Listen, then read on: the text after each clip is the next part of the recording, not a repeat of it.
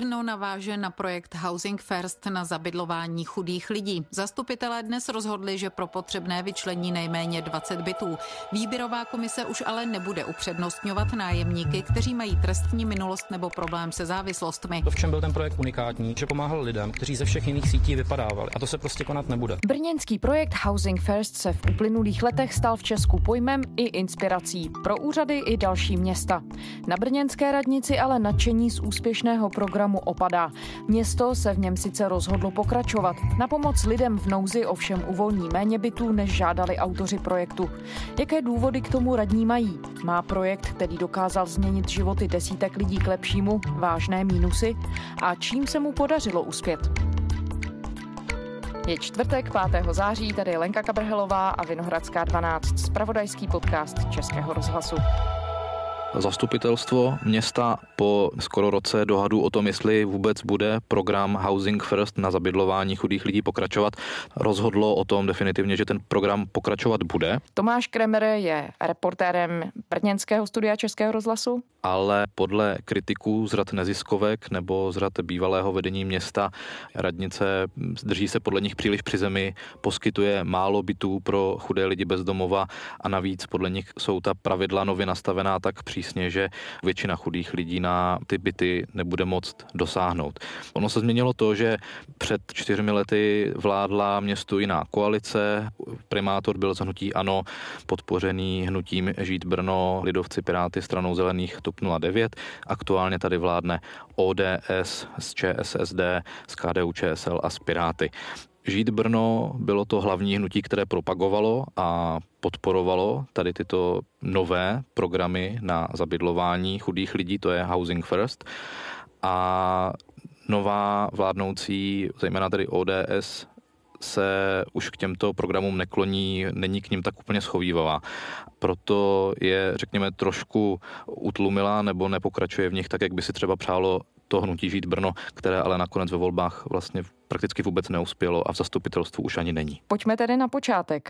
V čem ten projekt Housing First měl pomoci Brnu? Byla situace skutečně tak vážná, co se týče lidí bez domova a chudých lidí? Ta situace vážná v Brně je podle platformy pro sociální bydlení a organizace Lumos. Tyto dvě organizace zpracovaly zprávu o vyloučení z bydlení za rok 2018 provizorním bydlení, nevyhovujícím bytě nebo bez domova je v Česku 54 tisíc domácností. Žije v nich 83 tisíc lidí. Ve čtvrtině případů jde o děti. Uvádí to analýza platformy pro sociální bydlení a organizace Lumos za rok 2018. A ta říká, že vlastně v Brně žije přes 500 rodin s dětmi v bytové nouzi. Celkem je to ale nějakých asi 2000 domácností v závažné bytové nouzi. To jsou tedy i jednotlivci. To jsou lidé, kteří žijí z poloviny většinou na ubytovnách zlomek jich žije v asilových domech a zbytek už je buď v nevyhovujících bytech nebo žijí u známých, u příbuzných, taky na ulici nebo v různých sklepech. Jednoduše ty podmínky pro bydlení jsou velmi špatné. A Brno podle té zprávy o vyloučení z bydlení za ten loňský rok je vlastně Brno s druhým největším počtem rodin v bytové nouzi. Nejhorší z tohoto hlediska už je jenom Ostrava, tam je těch rodin asi tisíc. Třetí místo pak obsazuje Praha, to je v těsném závěsu, tedy za Brnem. A ta bývalá brněnská koalice se rozhodla těmhle lidem pomoci. Přesně tak. Bývalá brněnská koalice, zejména Hnutí Žít Brno a zastupitel Martin Freund za Hnutí Žít Brno, který byl takovým jakoby politickým otcem tedy těchto projektů. Žijí s námi ten říkal, že se bezdomovectví v Brně nemůžeme zbavit, pokud bude město pořád pokračovat v těch už dříve zaběhlých projektech, že těch lidí bezdomova přibývá, že třeba zavírají ubytovny a lidé se ocitají na ulici v nevyhovujících podmínkách a tak jednoduše hnutí Žít Brno v té vládnoucí koalici řeklo, zkusíme něco jiného, inspirujeme se projekty ze zahraničí, rozjedeme tady projekt Housing First. V roce 2016 si ten přístup Housing First rozdělili na takové dva podpřístupy. Rapid Rehousing začal v roce 2016, to znamenalo zabydlení 50 rodin, které se vlastně vylosovaly, protože to celé bylo sledováno sociologickým výzkumem. A druhý projekt, který Brno si pojmenovalo Housing First, samostatný, tak tam jde o zabydlování 65 jednotlivců a tento projekt vlastně stále běží. Rapid Rehousing skončil loni, sociologové z Ostravské univerzity i vyhodnotili, jestli ten projekt tedy měl úspěch nebo neměl úspěch. Brněnský projekt sociálního bydlení Housing First má první výsledky. Podle hodnotící zprávy Fakulty sociálních studií Ostravské univerzity projekt státu ročně ušetří skoro 31,5 tisíce korun za každou rodinu v nouzi, která se přesune z ubytovny do běžného městského bytu. Oni skonstatovali ve své závěrečné zprávě, že měl úspěch, protože většina těch rodin si své bydlení nájemní prodloužila nebo zůstala o tom nájemním bydlení. Aktuálně se to pohybuje tak, že z těch 50 zabydlených rodin zůstalo asi 40 nebo přes 40 v tom nájemním bydlení a podle právě výzkumníků z Ostravské univerzity díky tomu vlastně státní rozpočet ušetřil asi 1,5 milionu korun. To znamená, že když lidé měli bydlení, měli stálý domov, za který si tedy platili, tak například nemuseli být tak často hospitalizovaní. Nebo stát ušetřil na tom, že děti nemuseli vyrůstat v nějaké ústavní péči. To znamená, že ty rodiny nemusely být odebrány rodičům, protože tam měli stále bydlení a ty děti nemusely být odebrány rodičům a děti tedy mohly zůstat v těch rodinách. Vy jste s řadou lidí a účastníků toho projektu také natáčel, Tomáši, když byste se měl podívat na to, i třeba z jejich zkušeností, v čem je tedy ten projekt jiný, v čem se liší od jiných programů sociálního bydlení? Problém je v tom, a říká to třeba Platforma pro sociální bydlení nebo právě Hnutí Žít Brno, že vlastně řada lidí na té ulici, pro ně je těžké si najít jakékoliv bydlení a je pro ně i těžké si třeba najít práci a ty rodiny jsou taky často vlastně v, v exekucích, takže pro ně paradoxně znamená, že pokud by si třeba tu práci našli, tak by museli vlastně, nebo by, by kvůli tomu, že musí platit nějaké ty exekuce, tak by jim eh, peněz zbylo méně, než kdyby nepracovali. Housing First nemá tu tvrdou podmínku, že pokud lidé mají nájemní bydlení, pokud platí všechno řádně, když velkou část platí z dávek, není nutné, aby si ti lidé našli zaměstnání. Není to tvrdá podmínka. Tím pádem vlastně to množství lidí, na které Housing First dosáhne, je mnohem větší než ty jiné programy třeba zásluhového bydlení, kde je prostě nutné, aby si ti klienti těch projektů prostě našli práci a opravdu si to bydlení nájemní vlastní zasloužili. Housing First s tímto vlastně nepočítá a říká, že vlastně nebude možné to bezdomovectví vymítit, pokud k tomu nebudeme přistupovat takhle, nebudeme prostě dávat ty tvrdé podmínky. A kdo díky tomu projektu získal v Brně možnost bydlet? Já jsem natáčel s několika rodinami nebo s několika jednotlivci. Tak to doma paní Je to vaše. Tady máte krásný výhled z balkónu do vnitrobloku, sluníčko tady svítí. To je hodně pr- takový prosvětlený, je to krásně. Jsou to většinou opravdu chudí lidé, kteří předtím bydleli někde v asilových domech nebo bydleli u známých, bydleli ve sklepech, bydleli v chatkách, bydleli tam v létě i v zimě, byli jednoduše ve velice špatných podmínkách. A ti lidé najednou přišli do bytu, byla to rodina, paní měla třeba čtyři děti malé. Eh, jsou to lidé, kteří eh, najednou zjistili, že mají to stabilní bydlení, najednou můžou bydlet a ten život se jim opravdu no. obrátil z hůru nohama. No já mám z toho hlavy jak pytel od baránu. Pojďte se ještě mrknout do koupelny, možná. To je vana. Tak to je super, tady je vana. To tak já vím, vy jste to, to je super. Vy jste si přála vanu, ne sprchu? No. Ježí, tak to je super. To mě potěší. A to i v tom smyslu, že se třeba učili bydlet. To je pro člověka, který je zajištěný, možná trochu nepochopitelné a nepředstavitelné učit se bydlet, ale ti lidé opravdu přišli do bytu a najednou měli kolikrát i strach z toho, že jsou najednou v nějakých prostorách uzavřených, které jim, řekněme, patří nebo které si pronajímají a bylo to pro ně najednou netypické, protože netrávili už najednou tu noc někde na ulici nebo se spoustou lidí na jednom místě někde na mačkaní. Takže tito lidé se jednak učili zabydlovat, učili se bydlet, k tomu jim pomáhali sociální pracovníci, kteří s nimi byli v denním kontaktu. A jsou to lidé, kteří třeba ani nemají úplně většinou nějakou finanční gramotnost, to znamená, že třeba ani úplně nerozumí tomu, eh, chápou nějaký dávkový systém, když se v něm složitě orientují, k tomu jim taky pomáhají sociální pracovníci, ale nemají úplně ponětí třeba o tom, vlastně jak všechno vůbec funguje, co musí platit a nemusí platit, takže se kolikrát musí i naučit to, že jednou za měsíc musí ten nájem zaplatit. Pro ně to je třeba věc, která, kterou nikdy neznali pořádně a byla pro ně nepředstavitelná. A dá se říct, ono je asi těžké generalizovat, ale jaké vlastně ve většině mají ti lidé zázemí, nebo jak se dostali na ulici, jsou ty důvody podobné? Jsou ty důvody velice různé. S těmi lidmi, se kterými já jsem natáčel, ty důvody byly třeba takové, že zemřel člen rodiny, ženě zemřel muž a ona se najednou ocitla s eh, dětmi na ulici, neměla kam jít, najednou prostě neměla příjmy, aby si mohla nějaké bydlení udržet. Lidé onemocněli nějak vážně třeba a pak se vyléčili, ale už najednou zjistili třeba, že nemají kam jít, nemají příbuzné, musí skončit třeba na ubytovně. Určitě tam jsou i příběhy, kdy lidé propadli hazardu nebo začali pít alkohol, brát drogy, najednou se zadlužili, skončili v exekuci. Ty příběhy jsou opravdu jako velice různé. No a když jste pozoroval příběh těch lidí, kteří prošli nějakým vývojem, kam se pohnul? Dá se říct, že díky tomu bydlení získali lepší podmínky k životu, že se byli schopni odpíchnout do nějaké nové životní fáze? Ano, já jsem natáčel třeba s paní Agátou, ta jeden byt získala pro svou rodinu, ona má dvě dcery a mají dva psy. Když jsme se sem eh, prvně nastěhovali, tak se nám začal měnit život, eh, protože na to ubytovně tam jsme neměli moc možností dostat se do podnájmu nebo tak, protože člověk tam zase musí platit nájem v nějakém měsíci takže jsme si neměli jakoby z čeho šetřit. No. Její dvě dcery, malé dcery, tak jedna z nich byla dlouhou dobu vážně nemocná. Paní Agáta chodila po doktorech, nevěděla, co má vlastně dělat, co s její dcerou je. Až pak po nějaké delší době, už to bylo ve chvíli, kdy měla nějaké stále bydlení, tak se ta situace, řekněme, stabilizovala. Její dceři už bylo lépe, ale doktoři poté zjistili asi po roce, že má její dcera streptokok, což už se ale vyléčila. Ona říkala paní Agáta, že kdyby ale dál bydlela na ubytovně, kde mají nájemníci společné prostory, kuchyně, koupelny a ty prostory často vypadají velice nuzně, jsou ve velmi špatném stavu, je tam hromada špíny,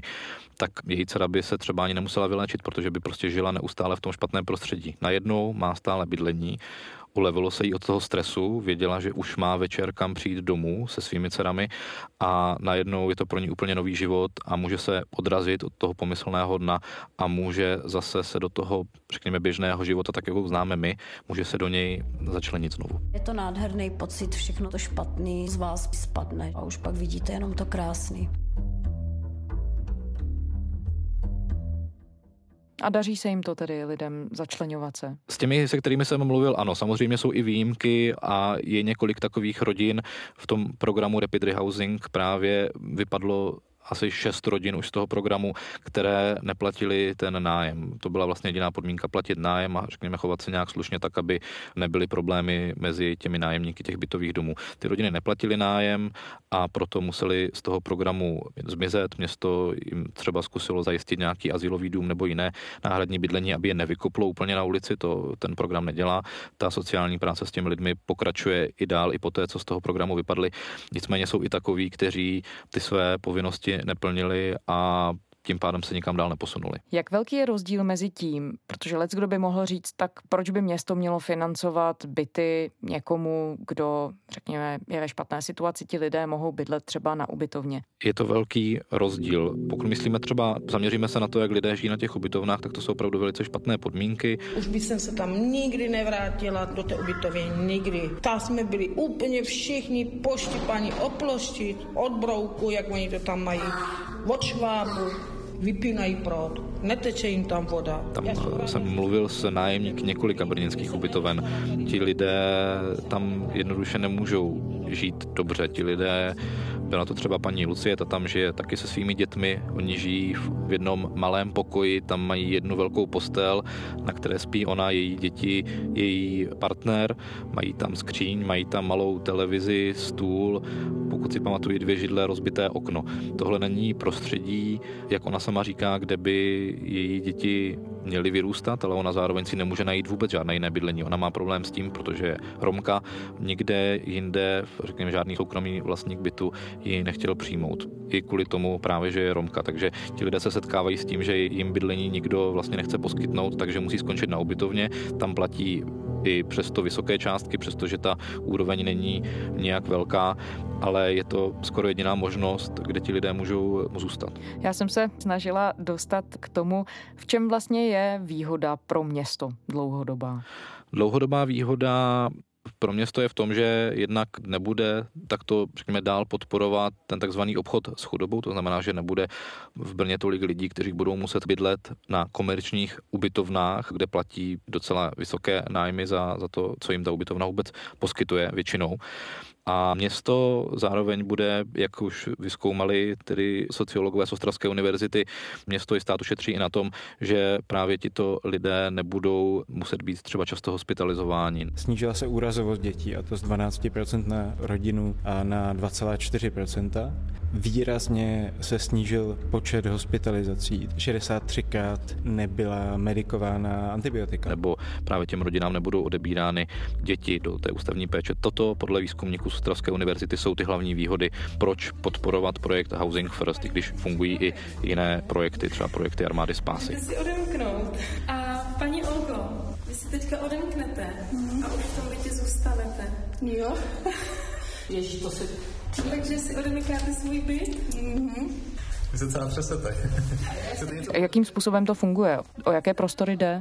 Jsou to městské byty. Brno má asi 29 tisíc městských bytů. Je to velký bytový fond. Velká část těch bytů se nachází ve čtvrtích Brno střed a Brno sever. Na jejich hranicích je i ten takzvaný brněnský Bronx, ta takzvaná vyloučená lokalita. A ty byty město musí nějak opravit, aby se v nich dalo bydlet, ale řada těch bytů je prázdná. Proto i třeba hnutí žít Brno nebo platforma pro sociální bydlení říká, město ty byty má, tak proč je těm lidem neposkytne. Na druhou stranu je zase argument některých starostů městských částí, protože velká část lidí po zkušenostech s Housing First a s Rapid Housingem už předtím říká, my do toho nechceme jít. Nepořádek na chodbách, neustálý hluk, vyhrožování sousedům, ničení společného majetku i majetku sousedů, naše údržba neustále uklízí kolem domu, eh, jako opravdu ta zkušenost je katastrofální. Říkám, my už v tom nechceme pokračovat, my už to dělat nechceme, naši obyvatelé, naši voliči si na to stěžují. Samozřejmě často jsou ty výtky oprávněné a proto vlastně i ty projekty zabydlovací říkají, že nesmí všichni ti zabydlení lidé nesmí bydlet ve vyloučených lokalitách, nesmí bydlet na jednom místě, to znamená, není možné je všechny nastěhovat třeba do té lokality brněnského cejlu, protože tam by zase jako vzniklo nějaké geto chudých rodin a ten problém by se nějak nevyřešil. To znamená, je nutné ty rodiny zabydlovat i do jiných městských částí, kde jsou nějaké paneláky, žijí tam prostě rodiny s dětmi běžně a moc chudých lidí tam vlastně nežije. A pro řadu těch obyvatel, těch čtvrtí třeba v brněnských Medlánkách, tam byl velký ostrý spor o to, jestli tam vůbec tedy ty rodiny budou žít nebo nebudou žít, tak tam najednou pro ty rodiny, asi pro ty místní obyvatele to bylo velké překvapení, že do jejich klidného domu se najednou nastěhovala nějaká rodina, která je hlučná, která údajně tam i vyhrožovala těm ostatním nájemníkům, tak tam ty problémy byly veliké. Takže vlastně jde tady o to integrovat ty rodiny chudší do podmínek, které jsou, řekněme, movitější a vlastně v trochu jiné i společenské a nebo ekonomické vrstvě. Přesně tak, přesně tak. Housing First by nemohl fungovat, pokud by všechny rodiny byly nastěhovány na jedno místo do jednoho bytového domu. To by prostě nemohlo fungovat. Vy jste říkal, že v některých případech ta kritika byla oprávněná, že to soužití opravdu nebylo idylické. Dá se to nějak procentuálně vyčíslit ve většině to začlenění lidí uspělo? Anebo se ukázalo, že je to opravdu problematická záležitost? Já bych řekl, že ve většině to zabydlení, začlenění lidí uspělo. K tomu bych použil ten argument, že přes 40 těch rodin si prodloužilo tu nájemní smlouvu, zbytek jsou tedy nějací odpadlíci, kteří neplatili nájem městu. Ty případy, pokud vím já a to, co vím od sociálních pracovníků, kteří se těm lidem věnují, tak ty případy byly, byly to jednotlivosti, ale o to víc byly vlastně vyhrocenější. Velmi se o nich mluvilo, ty případy byly opravdu nepříjemné pro vedení městských částí, pro ty nájemníky, kteří tam už bydleli, i pro ty nové nájemníky, pro ty chudé nájemníky, i pro sociální pracovníky. Teď současné vedení města kritizuje to bývalé a říká, vy jste tady rozjeli projekty, se kterými my i docela souhlasíme, ale ty projekty jsou už tak vyhrocené, že nám žádný starosta, žádné městské části, nikdo nám už nechce dát další byty do toho programu. Ani z jedné městské části nepřišla pozitivní reakce. Bez spolupráce spolupráce s městskými částmi nejsme schopni prostě tohle navýšit. Jak říká třeba náměstek primátorky Robert Kerendl z ODS, vy jste rozjeli věc, ale my teď po vás musíme uklidňovat ty emoce a říkají, že až se ta situace uklidní, až se všichni nějak dokážou spolu domluvit, tak v tom projektu je možné pokračovat nějak dál. A je to pravda? Skutečně je to tak vyhrocené? Nebo je to věc toho, že třeba jeden případ na sebe strhne všechnu pozornost? Určitě ty vyhrocené případy na sebe strhly velkou pozornost, nicméně teď už je to asi i do velké míry nějaký jako politický boj sná se prosadit něco, co tehdy hnutí Žít Brno už v závěru volebního období nedokázalo. Ono přišlo s nějakým velkým akčním plánem, jak bezdomovectví zastavit do několika let. Nicméně proto tehdy ta vládnoucí koalice před volbami nehlasovala a hnutí Žít Brno se nicméně stále dál snaží prosadit tyto projekty, které jsou podle třeba té Ostravské univerzity nebo podle platformy pro sociální bydlení jsou úspěšné, fungují a inspirují se jimi další města. Ostatně inspirovalo se tímto projektem i Ministerstvo práce a sociálních věcí věcí. Takže oni poukazují na to, že je paradoxní, že Brno, které tento projekt rozjelo, projekt, kterým se inspirovalo Ministerstvo práce sociálních věcí, ministerstvo rozdává dalším obcím nebo pomáhajícím organizacím peníze na to, aby tento projekt spustili i u sebe. V jiných městech je to třeba v Plzni, je to v Hlavě, je to třeba v Odoníně, se o to pokouší, myslím, že v Otrokovicích. Tak najednou je zvláštní, že současné vedení Brna říká, my jsme trochu opatrnější, my do toho nechceme jít takhle po hlavě, my do toho nedáme desítky bytů, jako by si přálo třeba hnutí žít Brno, my jich dáme méně, budeme v tom dál pokračovat v menším měřítku a pak uvidíme. Otázka samozřejmě, jak dlouho to bude trvat, co vůbec ta nová koalice bude ochotná dát víc do toho projektu jestli dá teď aktuálně schválených 20 bitů a to bude maximum, anebo jak říká, je to minimálně 20 bitů, můžeme jich dát víc, pokud se domluvíme s městskými částmi. Hnutí Žít Brno na to říká, my si myslíme, že to tak není, že to je konec housing first, i proto, že si vlastně nové vedení města stanovilo nějaké nové podmínky. To znamená, že město už nebude při výběru těch nových nájemníků upřednostňovat třeba ty, kteří mají za sebou nějakou trestní minulost, že byli ve vězení, lidi, kteří jsou závislí na drogách nebo na alkoholu. To jsou vlastně lidé, kteří často na ulicích žijí, mají tyto problémy a teď už nově nebudou v tom projektu nějak zvýhodnění. Hrozí tedy, že vlastně na to nájemní bydlení v Housing First nebudou moc dosáhnout a to znamená, že jak tvrdí hnutí Žít Brno, že už se si zavřela prostě nějaká klec a ti lidé už se nedostanou do žádného jiného programu, protože Housing First byl jediný program, který jim dokázal pomoct. A tím, že si brněnská radnice upravila ta pravidla, tak to je podle Žít Brno špatně a tím pádem podle nich Housing First už vlastně nepokračuje. A když se na to podíváte skrze všechno to, co jste odreportoval, kterým směrem se tedy ten projekt podle vašeho soudu vydal? Já bych řekl, že ten projekt Housing First pokračuje, že od současného vedení radnice je to, řekněme, kompromis. Ono jednoduše mohlo nová koalice ty projekty zaříznout, respektive v nich nepokračovat. Nicméně v tom pokračovat bude, požádá si o peníze Ministerstvo práce a sociálních věcí, dá nějakých 20 bytů na Housing First, dá už dříve schválených 50 bytů na jiný projekt, který už není tak, řekněme, benevolentní jako Housing First, protože třeba vyžaduje to, aby lidé uh, si získávali práci nebo byli v nějakých zaměstnaneckých programech. To znamená, že už je tam nějaká tvrdší podmínka, přísnější podmínka pro ty nové nájemníky. Nicméně Brno se určitě tomu problému neúplně nevyhýbá. Nicméně ta kritika vůči současnému vedení Brna je velice jako hlasitá. Hnutí Žít Brno říká, tohle je konec Housing First. Jestli to tak nakonec bude nebo ne, to asi ukáže až čas. Tomáš Kremer, reportér Českého rozhlasu Brno. Tomáši, děkujeme. Hezký den.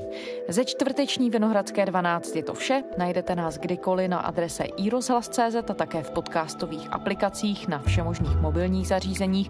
Pokud nás rádi posloucháte, nechte tam na nás recenzi, můžete nám tím pomoct. A můžete nám samozřejmě také psát své podněty a návrhy. Naše adresa je vinohradská12 zavináč rozhlas.cz. Těšíme se zítra.